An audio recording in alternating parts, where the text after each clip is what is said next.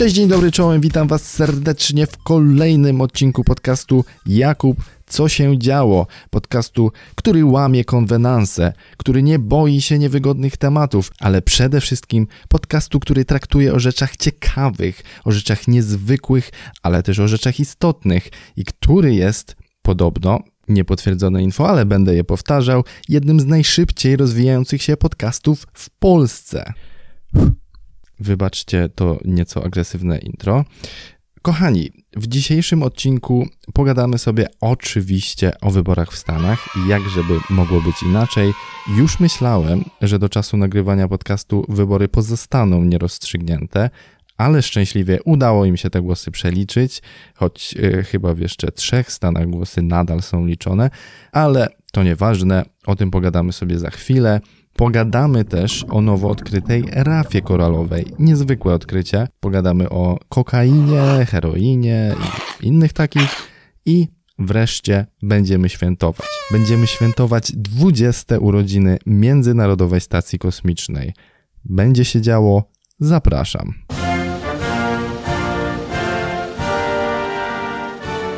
Joseph Robinette Biden Jr., znany szerszej publiczności jako Joe Biden, został wybrany na 46. prezydenta Stanów Zjednoczonych. Jeszcze nie do końca. I tu wychodzi kolejna zawiłość e, amerykańskiego systemu wyborczego, który próbowałem Wam wytłumaczyć w poprzednim odcinku podcastu. Jeszcze nie do końca, bo aby do tego doszło, zagłosować muszą elektorzy, którzy zrobią to dopiero 14 grudnia. Niestety jednak nie zapowiada się na pokojowe przekazanie władzy. Amerykańską tradycją jest, że przegrany kandydat gratuluje wygranemu i jeśli jest urzędującym prezydentem, a tak jest w tym przypadku, następuje coś, co nazywa się właśnie pokojowym przekazaniem władzy. To właśnie teraz powinien zrobić Donald Trump. Tak też zresztą doradzają mu jego współpracownicy. Natomiast Trump nie zamierza przekazywać komukolwiek niczego. Już rozpoczął batalię sądową z wieloma okręgami wyborczymi, oskarżając je o oszustwa wyborcze całkowicie bezpodstawnie. Wiele z tych pozwów zresztą już zostało odrzuconych, ale nawet jeśli Sąd Najwyższy, a to ta instytucja będzie rozstrzygać o ważności wyborów, orzeknie na korzyść Bidena, Trump w dalszym ciągu może odmówić przekazania władzy. I wtedy, przegrawszy w sądzie, może za pomocą tzw. Tak legislatur stanowych powołać swoich elektorów, nie tych wybranych w wyborach przez obywateli, ale powołanych przez podlegające mu właśnie legislatury stanowe. Wtedy elektorzy 14 grudnia zagłosują na niego, no i on zostanie prezydentem. A jeśli to mu nie wyjdzie, jeśli elektorzy wybiorą Bidena, to Trump nadal może nie zgodzić się na przekazanie władzy. W takim wypadku, oczywiście, jeśli uznana zostanie nieważność wyborów elektorskich, prezydenta wybierają przedstawiciele amerykańskiego kongresu. W takim głosowaniu każdy stan oddaje jeden głos na kandydata, a więcej jest stanów z przedstawicielstwem republikańskim niż demokratycznym, więc o ile do niego dojdzie, w tym głosowaniu wygrałby Donald Trump. Oczywiście nie będzie to tak proste, jak to właśnie przedstawiłem, natomiast to wszystko są realne scenariusze. Pozostaje mieć nadzieję, że Trump pójdzie po rozum do głowy i grzecznie przekaże swój stołek, bo wydaje mi się, że ostatnie, czego potrzeba teraz Stanom, to powyborcze zamieszki. Także nie jest to ostatni raz, kiedy będę mówił o amerykańskich wyborach w podcaście. Najpewniej jeszcze do tematu wrócę. Ciekaw też jestem Waszej opinii o wyborach w Stanach i czy podoba Wam się, że tyle o nich mówię. Piszcie do mnie, piszcie na jakubp.oficjalnie małpa.gmail.com albo zostawcie gdzieś komentarz. Bardzo chętnie zapoznam się z Waszą opinią. Dziękuję.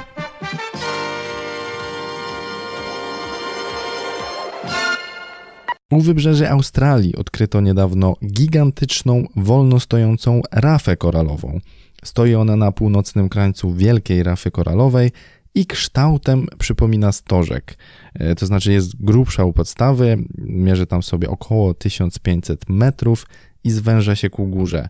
Nowo odkryta rafa mierzy też 500 e, metrów wysokości, co czyni ją wyższą niż na przykład Empire State Building. Natomiast jeśli ktoś w Nowym Jorku nie był i marne to dla niego porównanie, to mam jeszcze jedno, mm, tym razem z naszego polskiego podwórka. Otóż Rafa mierzy sobie 2,1 wysokości Pałacu Kultury i Nauki w Warszawie. Ale dlaczego w ogóle Wam o tym mówię? Ano dlatego, że jest to wydarzenie niezwykłe, a jak wiadomo o takich rzeczach między innymi zobowiązałem się w podcaście mówić. E, odkrycie to bowiem jest pierwszym tego typu odkryciem od ponad 120 lat, co pokazuje tylko jak wciąż niewiele wiemy o oceanach. Sam kierownik wyprawy, która wspomnianą rafę odkryła, stwierdził, że wiemy więcej o powierzchni Księżyca aniżeli o oceanicznych głębinach. Co jest dość zaskakującym stwierdzeniem, biorąc pod uwagę fakt, że aby badać oceany, nie musimy opuszczać ziemskiej atmosfery. No ale z drugiej strony jestem w stanie wyobrazić sobie, że badania tychże głębin nie są najprostszą sprawą. Już sam fakt, że powierzchnia Ziemi składa się chyba w 70% z oceanów, nasuwa pewne trudności. Mm, co nie zmienia faktu, że naukowcy badający oceany wciąż odkrywają nieznane gatunki roślin i zwierząt, czy też całe ekosystemy, więc myślę, że w przyszłości będziemy świadkami jeszcze wielu takich odkryć. Ciekawe jest też to, że proces eksplorowania tej nowo odkrytej rafy można było oglądać na żywo na YouTube. Naukowcy streamowali obraz ze zdalnie sterowanego robota, przy pomocy którego rafę badali, ale też komentowali to, co się dzieje na ekranie.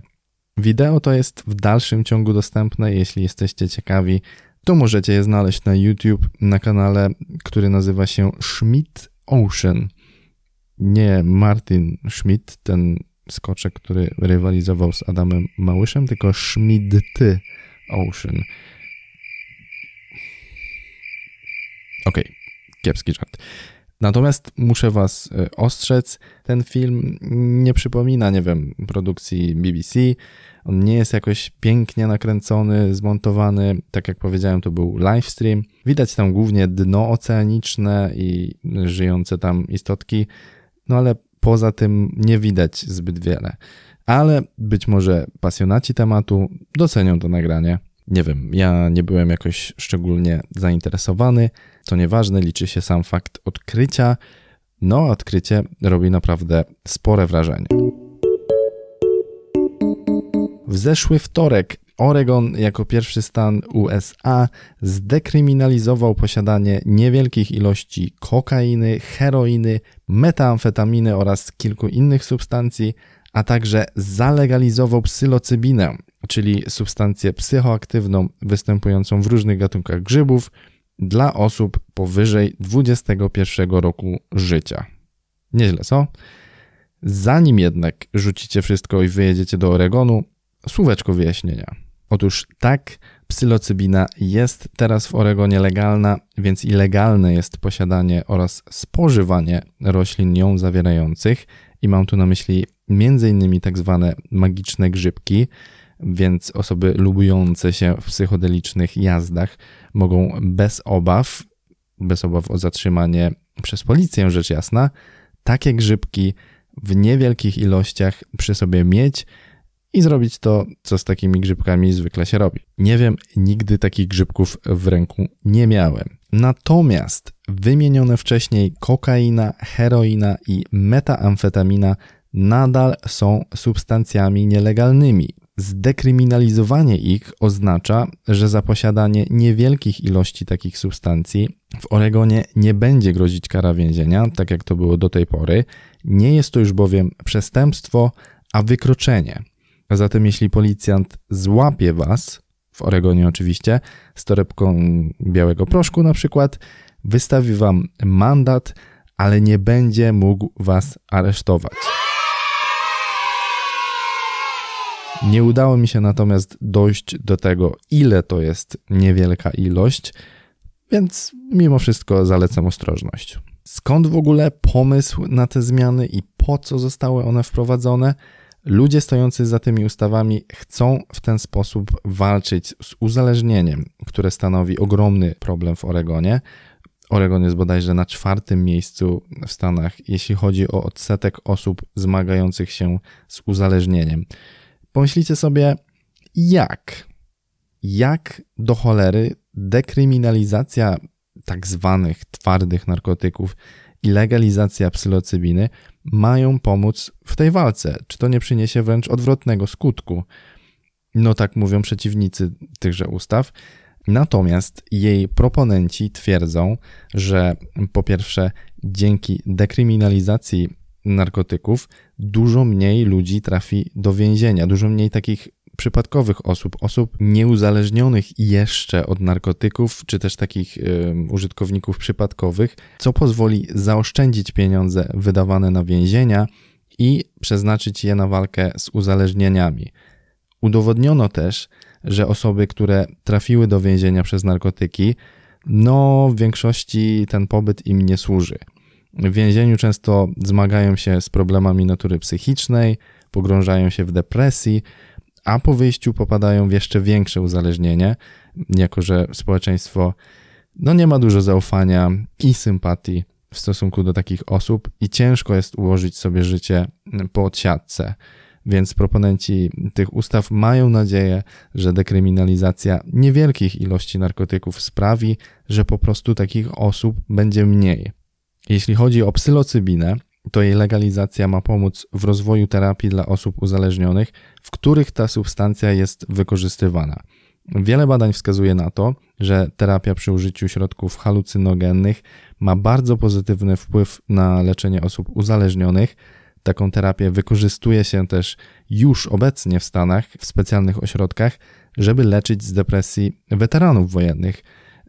I zaskakujące jest to, jak skuteczna ta terapia potrafi być. Nie należy oczywiście mylić tego z braniem halucynogenów i tripowaniem.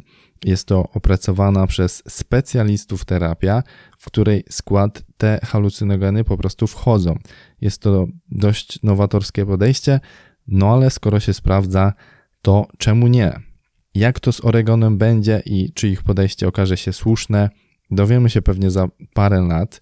Natomiast bardzo ciekawy jest ten ruch, ta liberalizacja prawa e, w stosunku do narkotyków. Ja strasznie nie lubię słowa narkotyki. Ono jest tak pejoratywne i tak bardzo kojarzy się z czymś złym, czymś zakazanym. Nie lubię go używać. W ogóle mam wrażenie, że wszystkie słowa odnoszące się do narkotyków są negatywnie nacechowane i to pewnie wpływa na sposób, e, w jaki je postrzegamy. Ale dobra, ja nie o tym. Jak macie jakieś pomysły, jak inaczej można mówić o narkotykach, jakiego innego słowa można użyć, to dawajcie znać. Chciałem natomiast powiedzieć, że no, miło się patrzy, jak kolejne kraje, jak kolejne stany USA liberalizują swoje podejście do substancji zakazanych. Marihuana na przykład jest już legalna w 15 stanach, a w 35 jest dozwolona w celach medycznych. U nas no, raczej nie mamy się coś spodziewać zmiany prawa w stosunku do narkotyków, na pewno nie za kadencji obecnego rządu, a szkoda. Ja sam nie jestem jakimś wielkim zwolennikiem palenia marihuany, natomiast przykro, przykro jest patrzeć na to, jak młodzi ludzie, którzy lubią sobie zapalić e, i wybrali akurat roślinę, która przez państwo z jakiegoś powodu uznana jest za nielegalną, jak ci ludzie idą za to do więzienia, idą do więzienia za taką błahostkę. Przykro.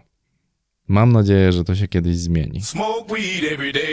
Mówiliśmy o tripach, mówiliśmy o psychodelicznych jazdach i innych takich, więc teraz chciałbym zabrać Was w podróż, w podróż w kosmos. Swoje 20 urodziny obchodzi bowiem Międzynarodowa Stacja Kosmiczna. A w zasadzie nie 20 urodziny, bo stacja zbudowana została nieco wcześniej, ale 20. rocznicę zamieszkiwania na niej ludzkiej załogi. Dokładnie 2 listopada roku 2000 na stację dotarła pierwsza stała jej załoga. Także no, 100 lat śpiewać nie będziemy, ale gratulacje jakieś na pewno się należą. Przyznam szczerze, że trochę zaskoczyła mnie ta informacja. Nie spodziewałem się, że stacja istnieje e, w kosmosie już 20 lat. Myślałem, że to znacznie młodszy wynalazek. No a tu proszę. Z tego, co udało mi się wyczytać, wynika też, że stacja pozostanie na orbicie ziemskiej przynajmniej do roku 2024. Wtedy najprawdopodobniej zostanie z orbity zdjęta i zastąpiona przez, nie wiem, chyba nowszy model. Pomyślałem sobie, że skoro już świętujemy tak okrągłą rocznicę, to warto byłoby się czegoś o naszym solenizancie dowiedzieć. Więc przygotowałem dla Was garść ciekawostek na temat Międzynarodowej Stacji Kosmicznej.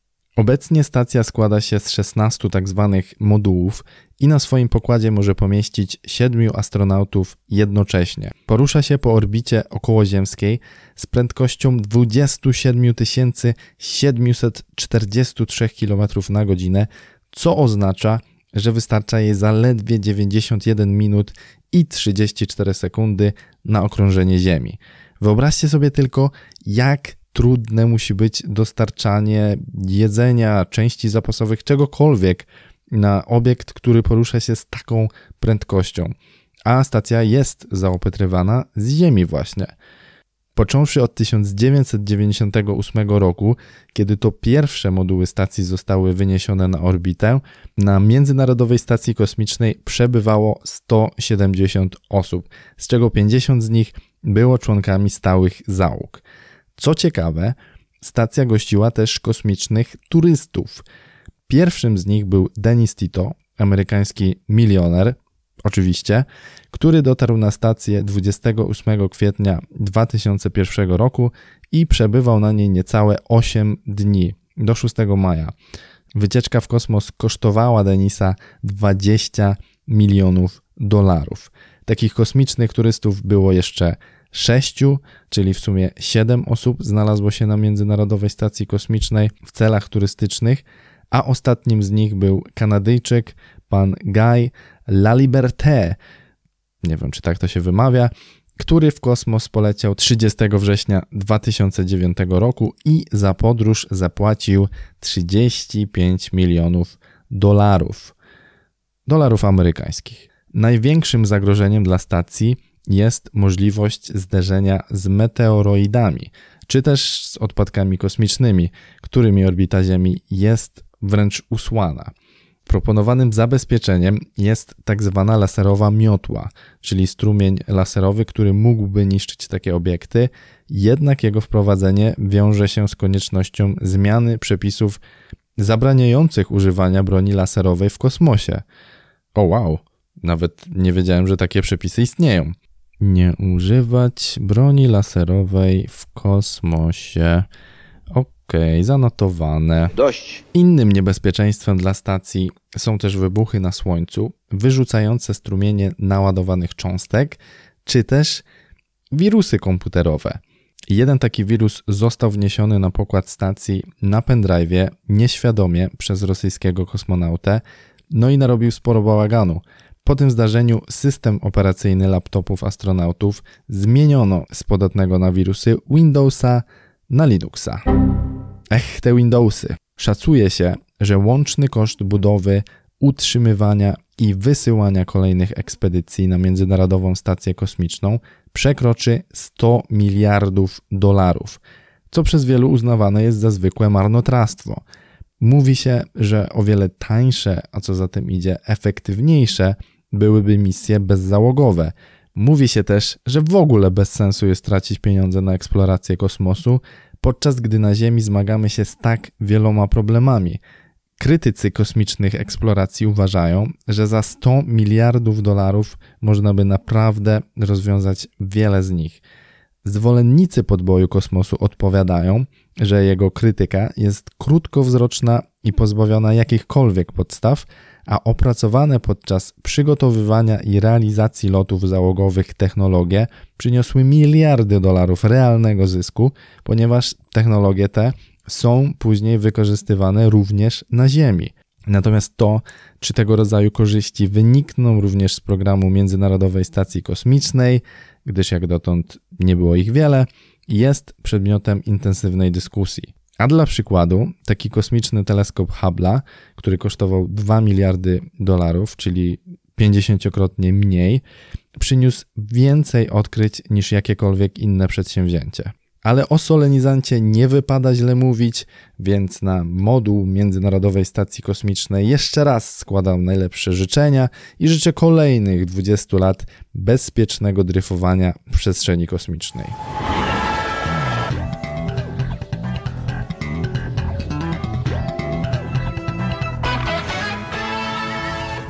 I to by było na tyle, jeśli chodzi o odcinek siódmy podcastu Jakub, co się działo.